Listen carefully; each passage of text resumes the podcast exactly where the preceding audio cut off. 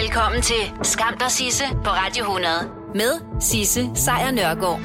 Ja, velkommen til. Det her, det er som bekendt bare en podcast. Hvis du vil høre The Real Deal, så er det hver dag 12-15. Men nu har jeg altså samlet det, som jeg synes, der er skamløst godt fra sidste uges program i en podcast til dig. Hey, det var så lidt. Jeg har jo været inde på det indtil flere gange, men jeg synes ikke, det kan stresses nok igennem. Det er i dag international mandedag. Og nu var der jo lige en, som, jeg, som sms'ede ind til mig og sagde, at øh, det kunne godt nogle gange føles som om, at hver dag var mændenes dag. Men det er det ikke. Fordi mænds dag udløber faktisk hurtigere end kvinders. Simpelthen i den forstand, at mænd bliver ikke lige så gamle som kvinder. Og en af årsagerne er, at øh, for hver gang der dør 100 kvinder af kræft herhjemme, jamen så dør der 140 mænd. Og så kan man sige, jamen hvad har det med ligestilling at gøre? Jamen måske ikke det helt store i øh, sådan umiddelbar optik, men det er fordi, at øh, mænd simpelthen ikke søger læge tidligt nok. Så der er altså noget at, øh, at kæmpe for. Sørg for, at mænd tør øh, søge læge i tide. Det er alfa og omega, at man øh, simpelthen får sagt til mænd, jamen det går ikke, at du går rundt og halter. Det er ikke spor mandligt. At det, du skal heller ikke gå rundt og klø i det der modersmærke, når det bliver ved med at øh, bløde. Det er der ikke noget mandligt i. Bare gå til lægen, få det fikset. Det er meget mere sexet at være i live, end øh, at være død. Sådan det. Ja, der er også mange andre ting, som mænd måske kunne øh, begynde at overveje, hvorfor det er, som det er. Fordi der er jo rigtig mange øh, strukturelle ting her i vores samfund, der gør, at øh, mænd handler, som de gør. Jeg ved ikke hvorfor, at 88 procent af alle ludomaner herhjemme, de er mænd, men det er i hvert fald sådan, det ser ud. Næsten 20 procent af alle mænd herhjemme viser også tegn på at have alkoholproblemer. Det vil sige, at næsten hver femte mand herhjemme drikker måske lige i overkanten. Og nej, at du ikke har alkohol er ikke et problem. Det er et problem, hvis du har for meget af det alkohol, og især hvis du også udnytter dig af det. Men måske er der faktisk en årsag til, at næsten 20 procent af alle danske mænd drikker for meget. Fordi det kan jo være en øh, fremragende måde at øh, dulme følelserne på. Alkohol har jo en tendens enten at skrue dem helt op, eller bare få dem til at forsvinde. Og rigtig mange mænd, de får også at vide som børn, at de ikke må græde. At de ikke må være kede af det. De, de må ikke øh, vise følelser, og at de skal mande sig op. Og det kan i nogle tilfælde ende med, at de reagerer på den eneste måde, som er okay for mænd, nemlig med vrede. Og det kan altså ses i voldsstatistikkerne. 9 ud af 10 voldsepisoder, der er det altså en mand, som er en gerningsmand. Og når det så er for meget, altså det hele er for meget, så er det faktisk også så gralt, at øh, det er mænd, der begår selvmord. For hver gang en kvinde begår selvmord, så er der to mænd, der gør det samme. Så husk, det er altså i dag, det er international mandedag, og det er det altså også, at den enestående årsag, at det er muligt, muligt nu, og så sige, øh, sige fra, sige til, tag stilling, og så øh, tag nu til den goddamn læge, hvis det er, at du går rundt og bakser med nogle ting. Fordi der er ikke nogen andre, der gør det for dig. Og der var jo også øh, dukket ruder i Herning, da der var øh, Venstres landsmøde her i øh, weekenden. Og det er også måske især fordi, at de har fået lidt sved på panden her på det sidste. Fordi i oktober for øh, tre år siden, der lød det sådan her fra øh, Lars Lykke. Regeringen ønsker et øh, Danmark med bedre balance. Derfor bringer vi statslige arbejdspladser tættere på borgerne, tættere på virksomhederne. Vi flytter omkring 3.900 arbejdspladser. Det er den største udflytning af statslige arbejdspladser nogensinde. Yes, og med den udmelding fra øh, Lars Lykke, der var øh, nykronet øh, statsminister igen, så øh, begyndte også en af de der diskussioner, eller den, en af de største diskussioner nok, som har været øh, allermest på dagsordenen i den her regeringsperiode, nemlig den om udflytning af statslige arbejdspladser. Og det første tiltag, det var jo som bekendt, at den daværende V-regering ville øh, udflytte 3900 statslige arbejdspladser fra hovedstaden til provinsen. En meget, meget smuk tanke på en eller anden måde at sørge for at få spredt alt det administrative, alt det offentlige byråkrati ud i landet.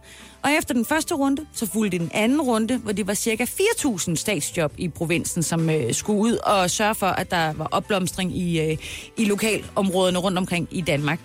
Her er de her 4.000 job, der var omkring øh, 2.000 af dem, altså øh, udflytninger, altså job, der var blevet flyttet ud.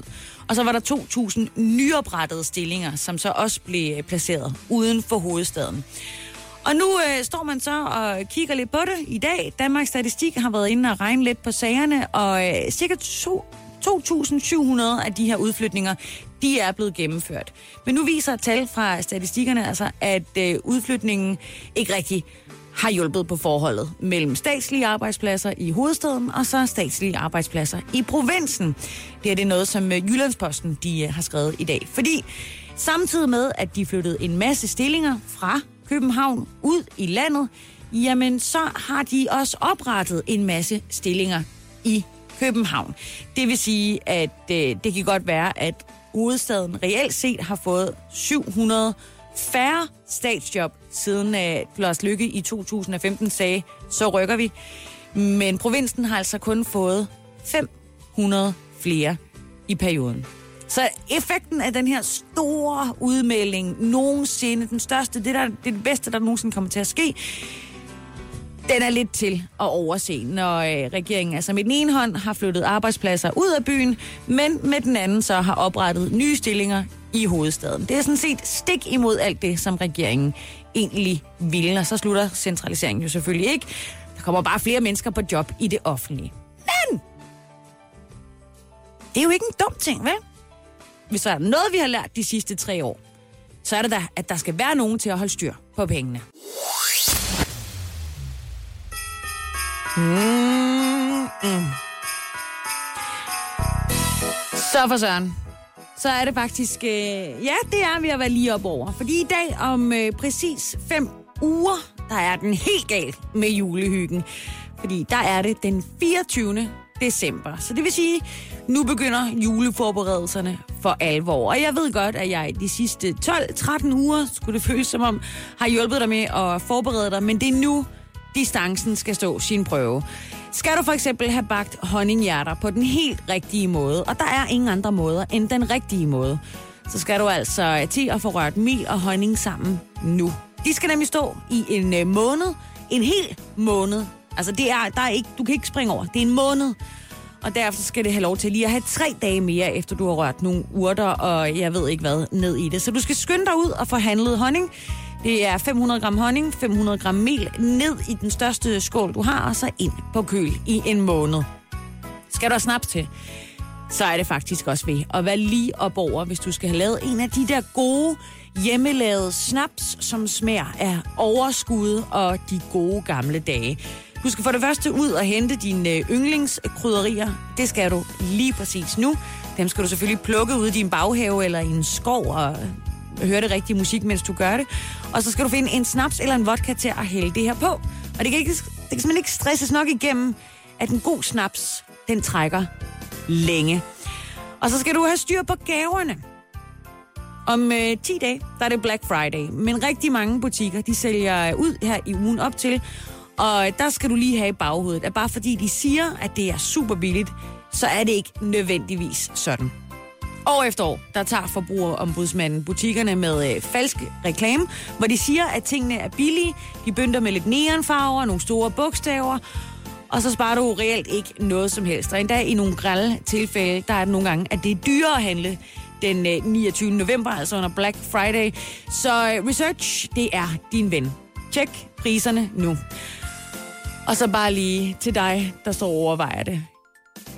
Nej, du skal virkelig skynde dig, hvis du vil nå at have sendt din pakker med på snor. Altså, det er nu.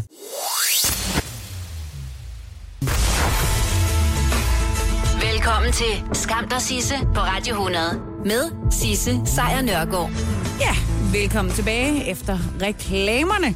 Nå, vi øh, skal til at kigge lidt i nogle e-mails, fordi de var en øh, ret stor del af årsagen til, at øh, Hillary Clinton tilbage i 2016 ikke havde en chance imod Donald Trump. Hun havde øh, slettet en masse e-mails fra en øh, privat server, som øh, angiveligt indeholdt en del politik og sådan drøftelser om politik, og det må man ikke. Det er, det er et kæmpe no-go i USA. Alt, hvad man skriver som øh, politiker, det skal skulle øh, gemmes. Sådan det. Og det gjorde hun så ikke. Og det her, det var altså hendes øh, helt store akilleshæl over for øh, Donald Trump. For det der med at slette e-mails, det passer lige ned i hans retorik om, at øh, Washington var sådan et stort, eller er et stort skyggeområde, eller en sump, om man vil, hvor øh, demokratiet går tabt, og almindelige borgere ingen indsigt har. Men øh, han kan jo sådan set godt begynde at pusse sin øh, Hillary Clinton-tale af igen. I think the one that you should really be apologizing for, and the thing that you should be apologizing for, are the 33,000 emails Ja, den tale. Og øh, i stedet for at så stikke den til Hillary Clinton, så skal han til at give den til sin datter. Og i øvrigt også politiske rådgiver Ivanka Trump. Washington Post har nemlig afsløret, at hun øh, sidste år brugte sin private mailkonto til at kommunikere med øh, medarbejdere i det hvide hus, embedsmænd og øh, personlige assistenter om alt muligt. Både privat, men også især regeringsanlæggende. Og øh, ja, det er jo ikke sådan helt det, som Donald Trump allerbedst kan lide. Især ikke, når det handler om ham selv. Det her det er Washington Post journalist, der forklarer. Well, we found that, um, lo and behold, uh, a very well kept secret inside the White House was that not Jared Kushner, but her, her uh, his wife, Ivanka Trump, was the person who was more frequently using her personal email in discussing government business than anybody else in the White House. Au. Men hvorfor gjorde hun så det? Det finder jeg ud af lige om et øjeblik.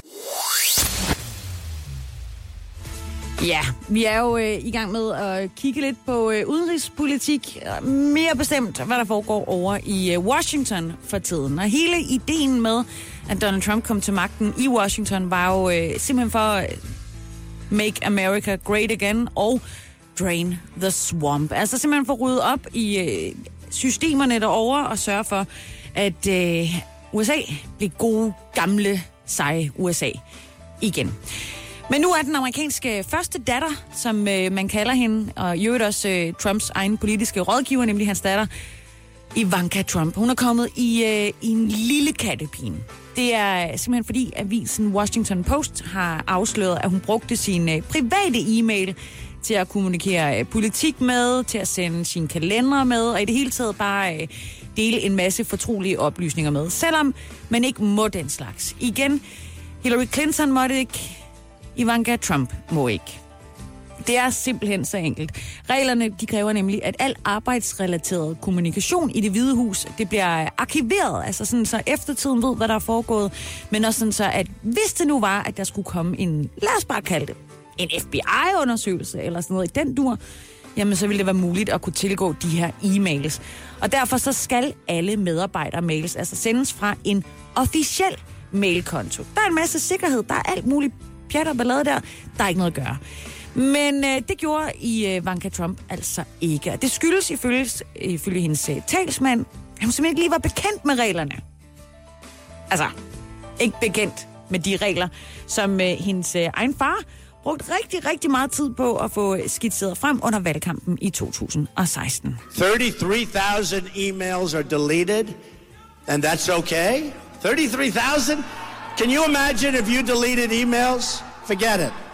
Ja, nu er der heldigvis ikke gået så vidt endnu, at man har fundet ud af, om Ivanka har slettet sine øh, e-mails. Men Trump kritiserede altså Clinton igen og igen for de her e-mails, og han har også flere gange sagt, at han vil sørge for, at hun kommer i fængsel, hvis han bliver valgt. Så galt er det øh, endnu ikke gået. Og lad os øh, håbe for Ivanka, at selv samme øh, publikum til Donald Trump øh, ikke gerne vil have det samme trick på hende, som de fyrede af, da det var Hillary Clinton, som rode rundt med sine mails.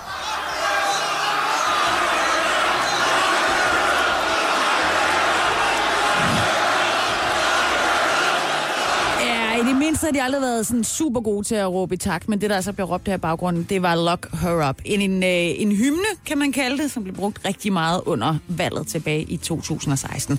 Men altså, så slemt kommer det nok ikke til at gå for Ivanka, fordi hendes øh, talsmand siger som øh, bekendt, at hun ikke vidste, hvad det var, hun gjorde. Betryggende. Og at hun øh, stoppede i det øjeblik, hun blev bekendt med, at det var ulovligt. Ja. Så er den jo god nok.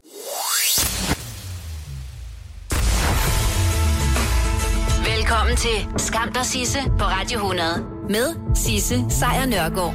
Storbritannien, de har igennem historien høstet nogle af verdens allerstørste rigdomme til sin egen øh, lille statskasse. Det er guld, det er ædelsten, det er fødevarer, altså alt sammen noget, som der røg direkte ind i skatkammerne i England. Men de sidste par år, der har de tidligere kolonier, og altså bare lande, som lå i vejen for England, altså ønsket at få sine øh, skatte igen. Grækenland, de vil for eksempel gerne have nogle af deres øh, marmorstatuer tilbage. Det samme med Benin. Ægypten, de vil gerne have deres mumier. Helt fair, i øvrigt. Og Indien vil have deres øh, juveler, og nu melder påskeøerne så også på banen. Fordi tilbage i 1868, der blev en af deres øh, virkelig sindssygt maløse statuer, altså du ved, de der store hoveder, som stiger ud over havet, de blev nappet af britterne. I hvert fald en af dem.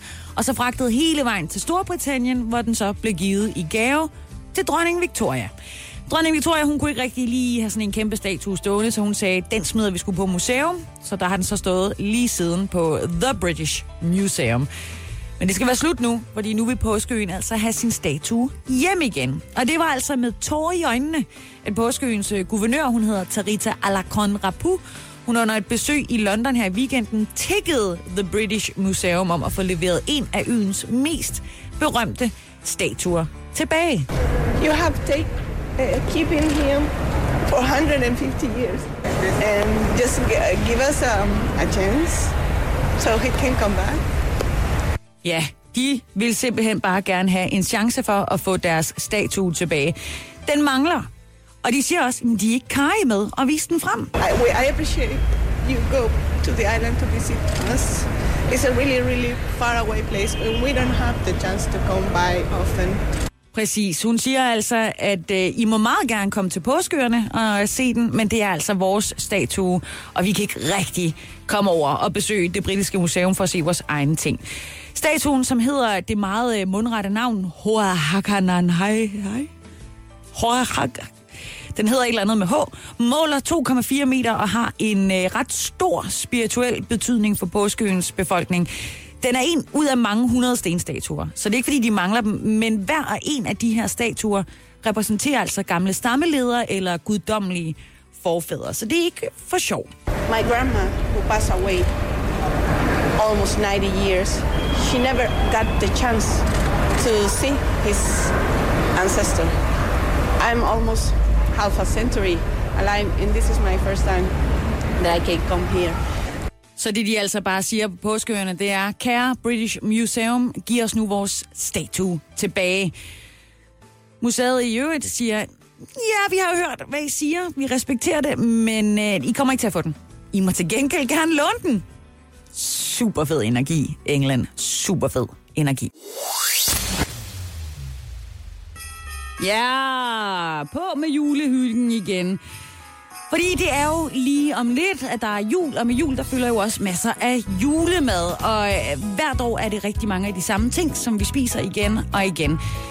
Vi kan godt lide at få et glas vin til maden, vi vil gerne have masser af clementiner og appelsiner, og vi kan godt lide at få kartofler til vores flæskesteg. Men det, som rigtig mange ikke også godt ved, det er, at øh, i rigtig mange af de her fødevarer, der får vi også en anden hyggelig lille ting, nemlig masser af pesticidrester.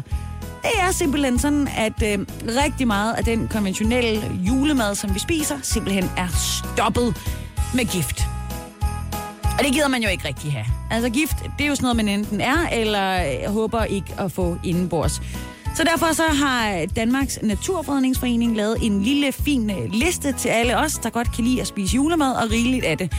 Og de fortæller altså, at øh, i mandariner og clementiner for eksempel, der er 88 procent af de udenlandske konventionelle mandariner og clementiner stoppet med sprøjtegift, mine damer og herrer. Sådan, skide lækkert. Så kan du få det helt gratis. Eller så kan du bare undgå det ved at købe økologiske.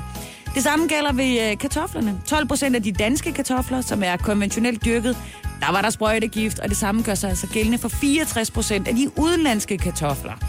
Der er ikke gift i økologiske kartofler. Så er der for eksempel finerne. Uha, 12 procent af dem stoppet med gift.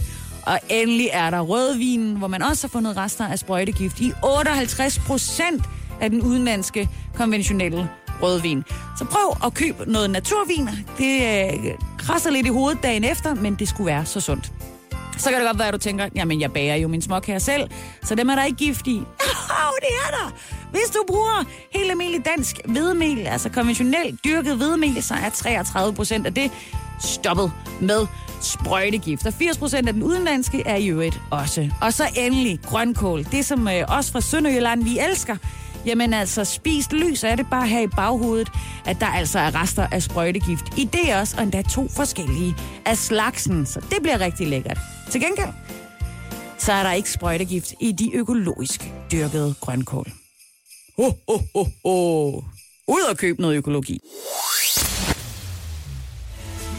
Jeg er typen, som øh, kan finde på at gå ud i øh, køkkenet, og så øh, i det, jeg træder ind i køkkenet, har glemt alt om, hvad jeg laver i køkkenet. Jeg tænker, at jeg ikke kan være den eneste. Altså, jeg tror, at det eneste tidspunkt, hvor jeg sådan virkelig husker, hvad det er, jeg skal lave, det er, når jeg går på toilettet. Fordi der er simpelthen nogle fysiske ting der, der siger, det er det her, du skal. Så det kan du ikke, øh, ikke glemme. Men der er også nogle gange, hvor jeg går derud og tænker, hvad er det, jeg leder efter? Og det er åbenbart helt og aldeles normalt, at vi har det med at glemme. Både hvor vi øh, smider vores nøgler, eller hvor vi stiller vores cykler. Men nu er der altså kommet øh, ny forskning på området. Og der er også kommet et godt tip til, hvordan du husker at huske bedre. Så nu skal du altså bare huske det, jeg fortæller dig nu, og så skal det hele nok gå bedre. Når du skal huske noget, eller når du står et sted, og du har glemt et eller andet, så skal du prøve at gå baglæns. I kid you not. Fordi vi husker nemlig bedre, hvis vi får vores hjerne til at tænke baglæns. Og når vi skal tænke baglæns, så hjælper det altså også at gå baglæns. Det her det er altså ikke bare noget, jeg har øh, grebet på en eller anden... Øh, det ved jeg ikke, øh, Fit Living øh, bloggers øh, Instagram. Det er altså en ny undersøgelse fra University of Roehampton i Storbritannien, som fortæller, at hvis du forsøger at gå baglæns, så hjælper du din hjerne med at spole tilbage. Ha, og hvordan har de så fundet ud af det? Jo, men det er simpelthen øh, så nemt. 114 mennesker er blevet sat til at se en video. I den her video er der sket noget dramatisk, og da de så er færdige med at se videoen, så skal de så genfortælle, hvad det er, de har set. Den ene kontrolgruppe skulle gå forlæns, mens de fortalte, og den anden kontrolgruppe skulle gå baglæns, mens de fortalte. Og det var altså den kontrol... Ja, så var der også en kontrolgruppe, der skulle stå stille imens. Sådan var det. Og de personer, som gik baglæns, havde i gennemsnit to korrekte svar mere end de andre deltagere. Og det samme gjorde sig faktisk gældende, hvor deltagerne ikke bevægede sig, men de skulle derimod forestille sig, at de gik baglæns. Så nu bliver det tricky. Du kan, hvis du ikke kan finde de nøgler, enten gå baglæns, mens du prøver at gentænke, hvor du har lagt dem, eller du kan blive stående og tænke, du går baglæns, samtidig med, at du formentlig finder ud af, hvor du har lagt dine nøgler. Ja, det skal testes, og det er altså også det, jeg har gjort hele dagen. Hver evig eneste gang, jeg har bevæget mig et sted hen, og jeg er kommet i tanke om, eller jeg, jeg, har, jeg ikke kan komme i tanke om, hvad det var, jeg skulle, så har jeg prøvet at gå tilbage i det, jeg gjorde. For eksempel har jeg åbnet en fane på min computer, man kan ikke huske, hvorfor det er, jeg skulle åbne den her fane. Så har jeg gået tilbage til den forrige fane for at finde ud af, hvad var det, jeg skulle på den nye fane. Og det har pokker mig hjulpet. Jeg kunne pludselig huske ting, jeg ikke kunne huske før. Så det er altså dagens gyldne tip. Hvis du ikke kan huske, hvad du har gang i, så prøv at gå tilbage, eller tænk, at du går tilbage, og så opstår det hele ah, foran dig. Jamen, jeg siger dig, det er magi, og nu også i øvrigt magi, som er leveret til dig af forskere.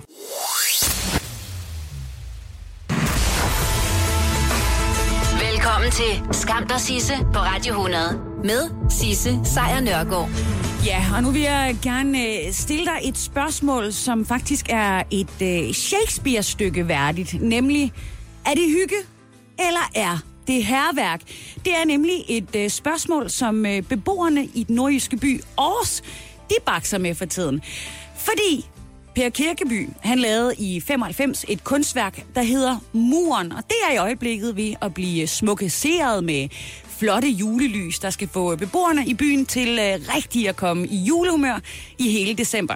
Eller også, så lavede Per Kirkeby et kunstværk i 1995, der hedder Muren, og det bliver i disse dage udsat for respektløs herværk. Ja, du kan godt se, der er lidt uenighed om, hvad der egentlig foregår deroppe. Det er dog ret sikkert og vist, at der lige nu bliver boret og banket i øh, det her røde stykke murværk, og det gør der, fordi Handelsstandsforeningen i byen har besluttet sig for, nu skal der bare noget bling-bling på den mur. Der skal simpelthen julelys på. Problemet er bare, at det ikke rigtig får nogen julestemning til at brede sig hos øh, Himmerlands Kunstmuseum, som, øh, hvad kan man kalde det, de er mildest talt forarvet over opsætningen. De mener nemlig, at værket her, muren, det kom i, øh, til verden i øh, samarbejde med den lokale kunstkomité, og selvfølgelig også med nogle midler for Års Handelsstandsforening. Og øh, Palle Rønne Møller, som er formand for det her kunstmuseum, Himmerlands Kunstmuseum, han siger, at man jo heller ikke vil iklæde en rytterstatue på Amalienborg med julekugler og girlander. Det går jo ikke, siger han. Omvendt, så siger de i Handelsstandsforeningen, at øh, altså, kunstværket her, det er jo en rød mur. Det kan da godt tåle lidt øh, julepynt. Og de synes selv, at de res- har respekt for muren. Men kunst må ikke blive begrænsende, siger Mogens Christensen, som altså er formand for den her handelsstandsforening. Og det er altså andet år i træk, at julepynten i års tiltrækker opmærksomhed. Og jeg har lidt en fornemmelse af, at de er begyndt at se det virale i den her form for øh, skænderi. Fordi sidste år der var det et ualmindeligt grimt juletræ i byen, der fik rigtig meget omtale. Og omtale, ved vi som bekendt, det er for nye folk til byen. De vil gerne se, hvad er det, de snakker om. Og ja, som sagt, mega grimt julebøntet øh, træ sidste år, og i år er det så et øh, kunstværk, som måske, måske ikke bliver udsat for herværk. Og så tænker du så, jamen hvad med kunstneren selv? Hvad siger han? Jamen, Per Kirkeby, han døde jo i maj her tidligere i år, og han blev øh, 79 år. Men øh, de er ret sikre på, inde hos øh, Himmerlands Kunstmuseum, at han ville have været rasende. Han var kendt for at have et godt temperament, men lige præcis det her med julebønt på hans kunstværk, det vil være et kæmpe no-go. Du kan selv vurdere, i morgen der skulle øh, julelysene på øh, muren efter sine blive tændt, så kan du øh, selv finde ud af, om du har lyst til at demonstrere, eller bare stå og hygge lidt. Nummer 1. Og jeg har premiere på et uh, tv-program i dag over på det, der hedder UC, og jeg vil skide i bukserne af skræk. Nummer 2. Og så tager jeg mig selv i at blive en lille smule ked af det, når folk bliver sure over, at et spillested i Albertslund har valgt at blive, øh, eller have et program næste år, som udelukkende er med kvindelige kunstnere. Fordi hvor er alle de her sure mennesker, når vi snakker om alle de tunge udvalg i regeringen, som primært er mænd? Eller hvor var de, da Grøn Koncert kun havde mandlige kunstnere på programmet? Og hvor var de, da næsten 100% af programmet på Northside var mænd? Så lad dog kvinderne få mulighed bare i et år til at fylde et helt program på forbrændingen i Albertslund. Hvad er det større menneske, nu hvor øh, der er så mange kvinder, der har været det i så lang tid? Nummer 3. Ja, og så synes jeg, at vi også lige hurtigt skal vende en øh, lille ø i den bengalske bugt. Ja, det er øh, sådan lige uden for Indien. Og nej, det her det har absolut intet at gøre med din hverdag, og jeg burde egentlig ikke rigtig hisse mig op. Men hvad fanden er det for en mentalitet, man besidder, hvis man opsøger North Sentinel Island? Altså en frededø med fredede beboere, som ikke er interesseret i at møde omverdenen. Og så forsøger man at komme ind til dem med et budskab om, at de skal være kristne. En 27-årig mand fra USA, ja selvfølgelig USA. Han mente i hvert fald, at han skulle ud og missionere på øen. Og første dag han forsøgte, der undslap han lige præcis med pile i kroppen. Så tænkte han, jeg gør det igen, og så rev de hans kano i stykker. Og tredje dag, ja, der kom han ikke tilbage. Og nej, jeg er ikke ked af det over, at han er død. Jeg er ked af det over, at nu ligger hans lig og rådner op med alle hans bakterier og sygdomme og vaccinationer i kroppen på en ø, hvis lokale ikke har haft hans sygdomme. Det er simpelthen så kæmpe et spademove. Så dumt, at han næsten fortjente sin skæbne. Hold dig nu bare væk fra fredede befolkninger. De har vidderligt ikke spurgt, om du lige gider at komme og prædike lidt kristendom. Amen for helvede.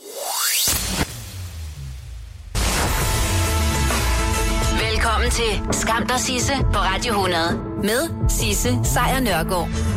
Der er efterhånden gået et par uger siden, at amerikanerne gik til midtvejsvalg. Men øh, det valg, det er af uansagelige årsager stadigvæk ikke overstået. Altså resultatet, det er ret fast. Demokraterne indtog klart repræsentanternes hus, mens de fik næsten halvdelen af senatet. Men der mangler stadigvæk en optælling, nemlig den i staten Mississippi. Og der skal de altså ud i et øh, genvalg i næste uge. Et valg, der er blevet lige en tand mere spændende, end vi havde regnet med. Fordi republikaneren Cindy Hyde Smith, hun burde, burde have taget den her, altså med det samme. Men så dummede hun sig gevaldigt. Ja, faktisk så meget, at hendes egen kernevælger nu siger fra. I think I was going to vote for her until she made this comment, and then she made this comment, and that makes it very, very hard to get behind her. Ja, det her det var Kelvin Schmidt, som altså havde talt med DR's uh, tv-avis i aftes, og kommentaren, uh, han snakker om, som uh, Cindy Hyde Schmidt kom med, den hører du her. Jeps, du har ikke en mulighed for at forstå det, der siger. Men hun er altså i gang med at endorse, som det hedder, når man støtter en anden kandidat, og siger så, at han er så god, at hun vil stå på forreste række til en offentlig hængning med ham. En offentlig hængning. I Mississippi. Ja. Det siger man bare ikke generelt, fordi ja, det siger man ikke. Altså, sådan er det.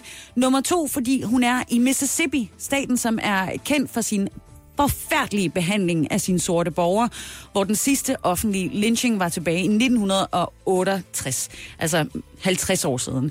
Hun har med andre ord dummet sig fuldstændig eklatant. There's no way to justify that, even if she did not mean it seriously, or she says she was joking. Ja, fordi det her, det kan altså komme til at, altså, hvad det her det kan komme til at betyde, er egentlig meget øh, livet af landevejen. Hun kan tabe valget på tirsdag, og derfor så har republikanerne så sat de helt store omdrejninger i værks for at redde den stat, som notorisk har stemt republikansk i virkelig lang tid. Ja, jeg er øh, som bekendt i gang med at øh, rode rundt i øh, midtvejsvalget, stadigvæk her over to år efter, at det blev afviklet. Men øh, det gør amerikanerne også. Altså roder rundt i det. Og især i staten Mississippi. Det er nemlig sådan, at republikaneren Cindy Hyde Smith, hun har dummet sig. Og hun har sagt, at hun stolede øh, nok på en anden republikaner til, at hun ville, og nu citerer jeg, stå i øh, forreste række til en offentlig hængning. Og i og med, at hun er i Mississippi, så er den udtalelse ikke bare dum, den er en tordne fejltagelse. Fordi statens historie er fyldt med lynchninger af sorte, og først de senere år er de ved at komme sig over de overgreb, der er blevet begået i staten. Altså, jeg siger ikke, at de sorte er ved at overkomme sig. Jeg vil at sige, at man er i staten ved at overenskomme sig med, at der er blevet begået så mange overgreb. Så hun hænger altså republikaneren Cindy Hyde Smith i en ret tynd snor i en stat, som ellers er kendt for at være republikansk helt ind til benet. Og derfor så har de republikanere, som stadigvæk bakker hende op, sat den helt store maskine i gang. Og mandag, der kommer de så rullende ind i Mississippi med kronen på værket, nemlig Donald Trump. Han kommer for at bakke sin kandidat op. Og det gør han altså trods det, at hun har sagt, som hun har sagt, og det vækker bekymring. Både øh, i staten generelt, men især hos øh, sorte, og så også et mindretal, som øh, er i staten. Fordi det er altså ikke første gang, at Donald Trump han har holdt hånden over ekstremistiske folk og deres ekstremistiske udtalelser. So a lot of those statements have encouraged uh, white supremacists throughout the country. They feel emboldened, they feel protected by this president. And so to have those comments coming from Mississippi adding fuel to the fire. Ja, det som han siger her, Carol J. Rhodes, som altså er præst i Mississippi, han siger, at når han holder hånden over folk, der udtaler sig fuldstændig vanvittigt, så finder de ud af, at de faktisk kan få lov til at opføre sig fuldstændig vanvittigt. Og selv Republikanerne i staten, de er altså utrygge ved udtalelser som øh, dem, som øh, hun er kommet med. Altså, øh, man siger simpelthen ikke, at en offentlig hængning er en mulighed i staten, og man joker heller ikke med det. Tilbage til øh, Kelvin Smith, altså ham kernerepublikaneren i Mississippi, som har snakket med øh, DR i aftes. Han er i hvert fald på ingen måde glad. It just puts a dark cloud over Mississippi. It's very embarrassing. You know, we're uh, it puts Mississippi back in the national spotlight in a negative way, and we're we're trying to get away from that. Det er altså mandag, at Trump han kommer forbi, og valget skal så i gang tirsdag. Og når det så er afgjort, så er det sidste valg til senatet også. Og dermed er midtvejsvalget endelig forbi. Så er der heldigvis kun halvandet år til det næste store valg derovre. Og hey, vi kan altid hygge os med vores eget folketingsvalg i mellemtiden. Danmark det er, det er der, du bor. Det er også øh, det nordiske land, hvor øh, hjemløshed øh, blandt unge, det spreder sig mest. Det er en ny undersøgelse, der viser det, og det er en øh, undersøgelse, som er lavet af Tænketanken Kraka for øh, avisen Politikken.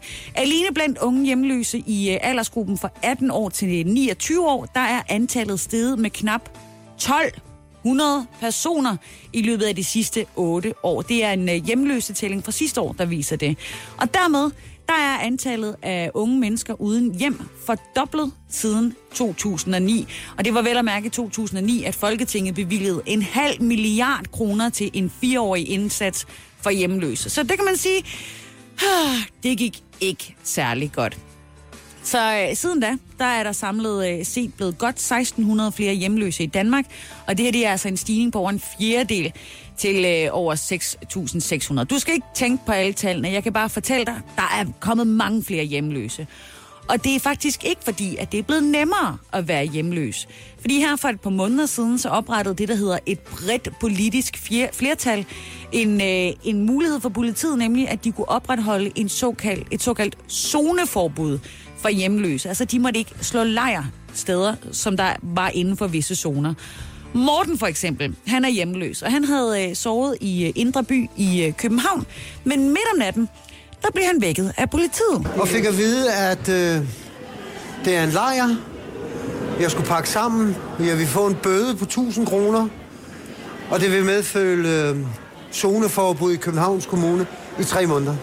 Ja, så hjemløse Morten, han fik at vide, du har heller ikke noget hjem på gaden mere. Det her forbud, som det politiske flertal de vedtog, det var øh, indrettet sådan, tænkte de. Det var meningen i hvert fald, at det skulle ramme udenlandske hjemløse i Danmark.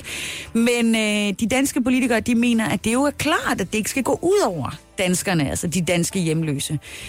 Men alle er stadigvæk den dag i dag heldigvis stadigvæk lige for loven. Man kan ikke differentiere mellem udlændinge og danskere her, og det er jo, det er jo der, øh, den går galt. Ja, at det er der, den går galt, når politikere siger, jamen vi troede, at det var nogle andre, der ville blive ramt. Det, det var jo et vores justitsminister Søren Pape. Om lidt, så er der vinter. Det er allerede iskoldt udenfor, og så kan vi se, at øh, i Norge, der er hjemløsegruppen skrumpet med mere end en tredjedel, og i Finland, der har de oplevet et fald på 13 procent, og i Sverige er der en helt opbremsning i tallene. Det er alt sammen noget, som politikken har fundet ud af. Men herhjemme er der altså som sagt stadigvæk fuld fart på hjemløse, så jeg glæder mig ufattelig meget til at se, hvad politikerne har tænkt sig at gøre, fordi der er meget kort tid til, at det bliver urimeligt koldt herhjemme.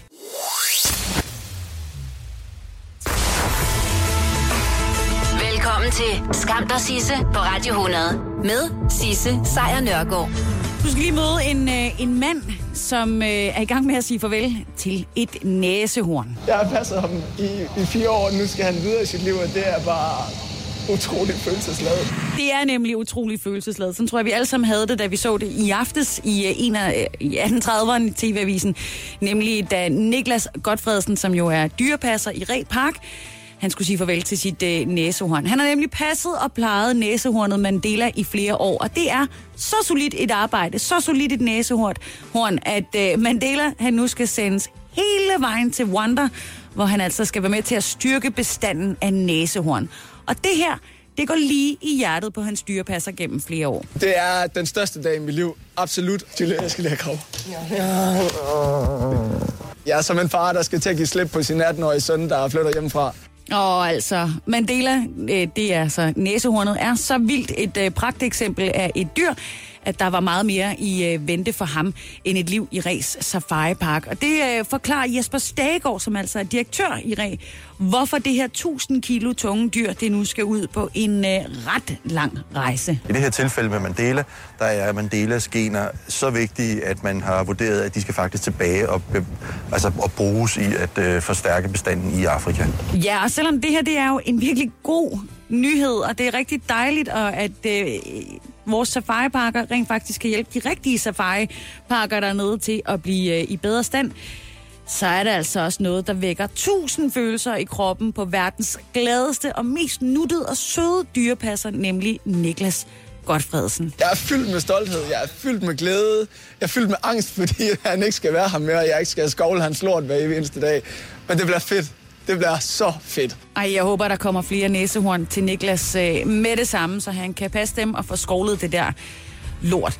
Men det skulle jo øh, ankomme til Rwanda her til foråret. Måske først på sommeren efter et øh, lille pitstop i øh, Tjekkiet, og så er det ellers bare øh, fuld fart ned for at øh, knalde en masse lækre næsehorns babes i øh, Rwanda. Så stort pøj pøj med det. Skam dig, Sisse, på Radio 100 præsenterer Skamløse fornøjelser. I morgen der er det fredag, og øh, det betyder normalt, at jeg vil have besøg af en øh, fredagsgæst, men det har jeg ikke. Jeg har til gengæld besøg af et sæt øh, tømmermænd, formentlig tømmerkvinder, alt efter øh, hvem der er på arbejde i morgen. Jeg sender nemlig ikke, jeg holder fri, og det gør jeg altså, fordi at jeg i aften har premiere på mit eget program på UC, og derfor så er det tid til skamløs selvpromovering i øh, dagens Netflix and Chill, hvor jeg altså anbefaler ting, du kan stene til, mens alle andre er ude og have et liv. Ja, så jeg lægger sådan set bare ud med at anbefale mig selv. Nummer et. Fordi på UC, der kan du altså i dag se, hvis du er kunde, alle tre afsnit af det, der hedder Bye Bye Baby, hvor jeg øh, sammen med to andre mødre, Mette Marie Maj Lange og øh, Cecilie Falgren Rubini, er på tur i Las Vegas. Uden børn. Og sådan en hurtig insight. Der er fest, der er farver, og der er fuldstændig vanvittige samtaler om øh, voksenlivet. Og det er alt sammen noget, du kan få del i. Og jeg anbefaler det her program især til forældre, måske endda forældre, som ikke rigtig tør tage et par dage afsted uden unge. Fordi det skal man bare gøre. Især hvis du kan komme til Las Vegas, ikke sandt? Nummer to. Netflix, de er bare konsekvent et skridt foran, og det gælder i øvrigt også med deres øh, nyeste tiltag, nemlig en western-serie på seks afsnit, klippet sammen til det, der skulle være en øh, film, og i øvrigt lavet af Coen-brødrene. Der er splatter, der er vold, der er særfortællinger, og så er der øh, guld, grønne skove og masser af guns. Den hedder The Ballad of Buster Scruggs, Scruggs og den finder du på Netflix, og den er outrageous underholdende. Ind og find den. Det er to timer og 13 minutter, hvis du ser det hele i et hug, men du kan også vælge bare at se afsnit for afsnit. Nummer tre. Og så skal vi ind på DR TV, fordi der finder du en virkelig fin serie, som hedder Hvad fanden er der galt med Søren?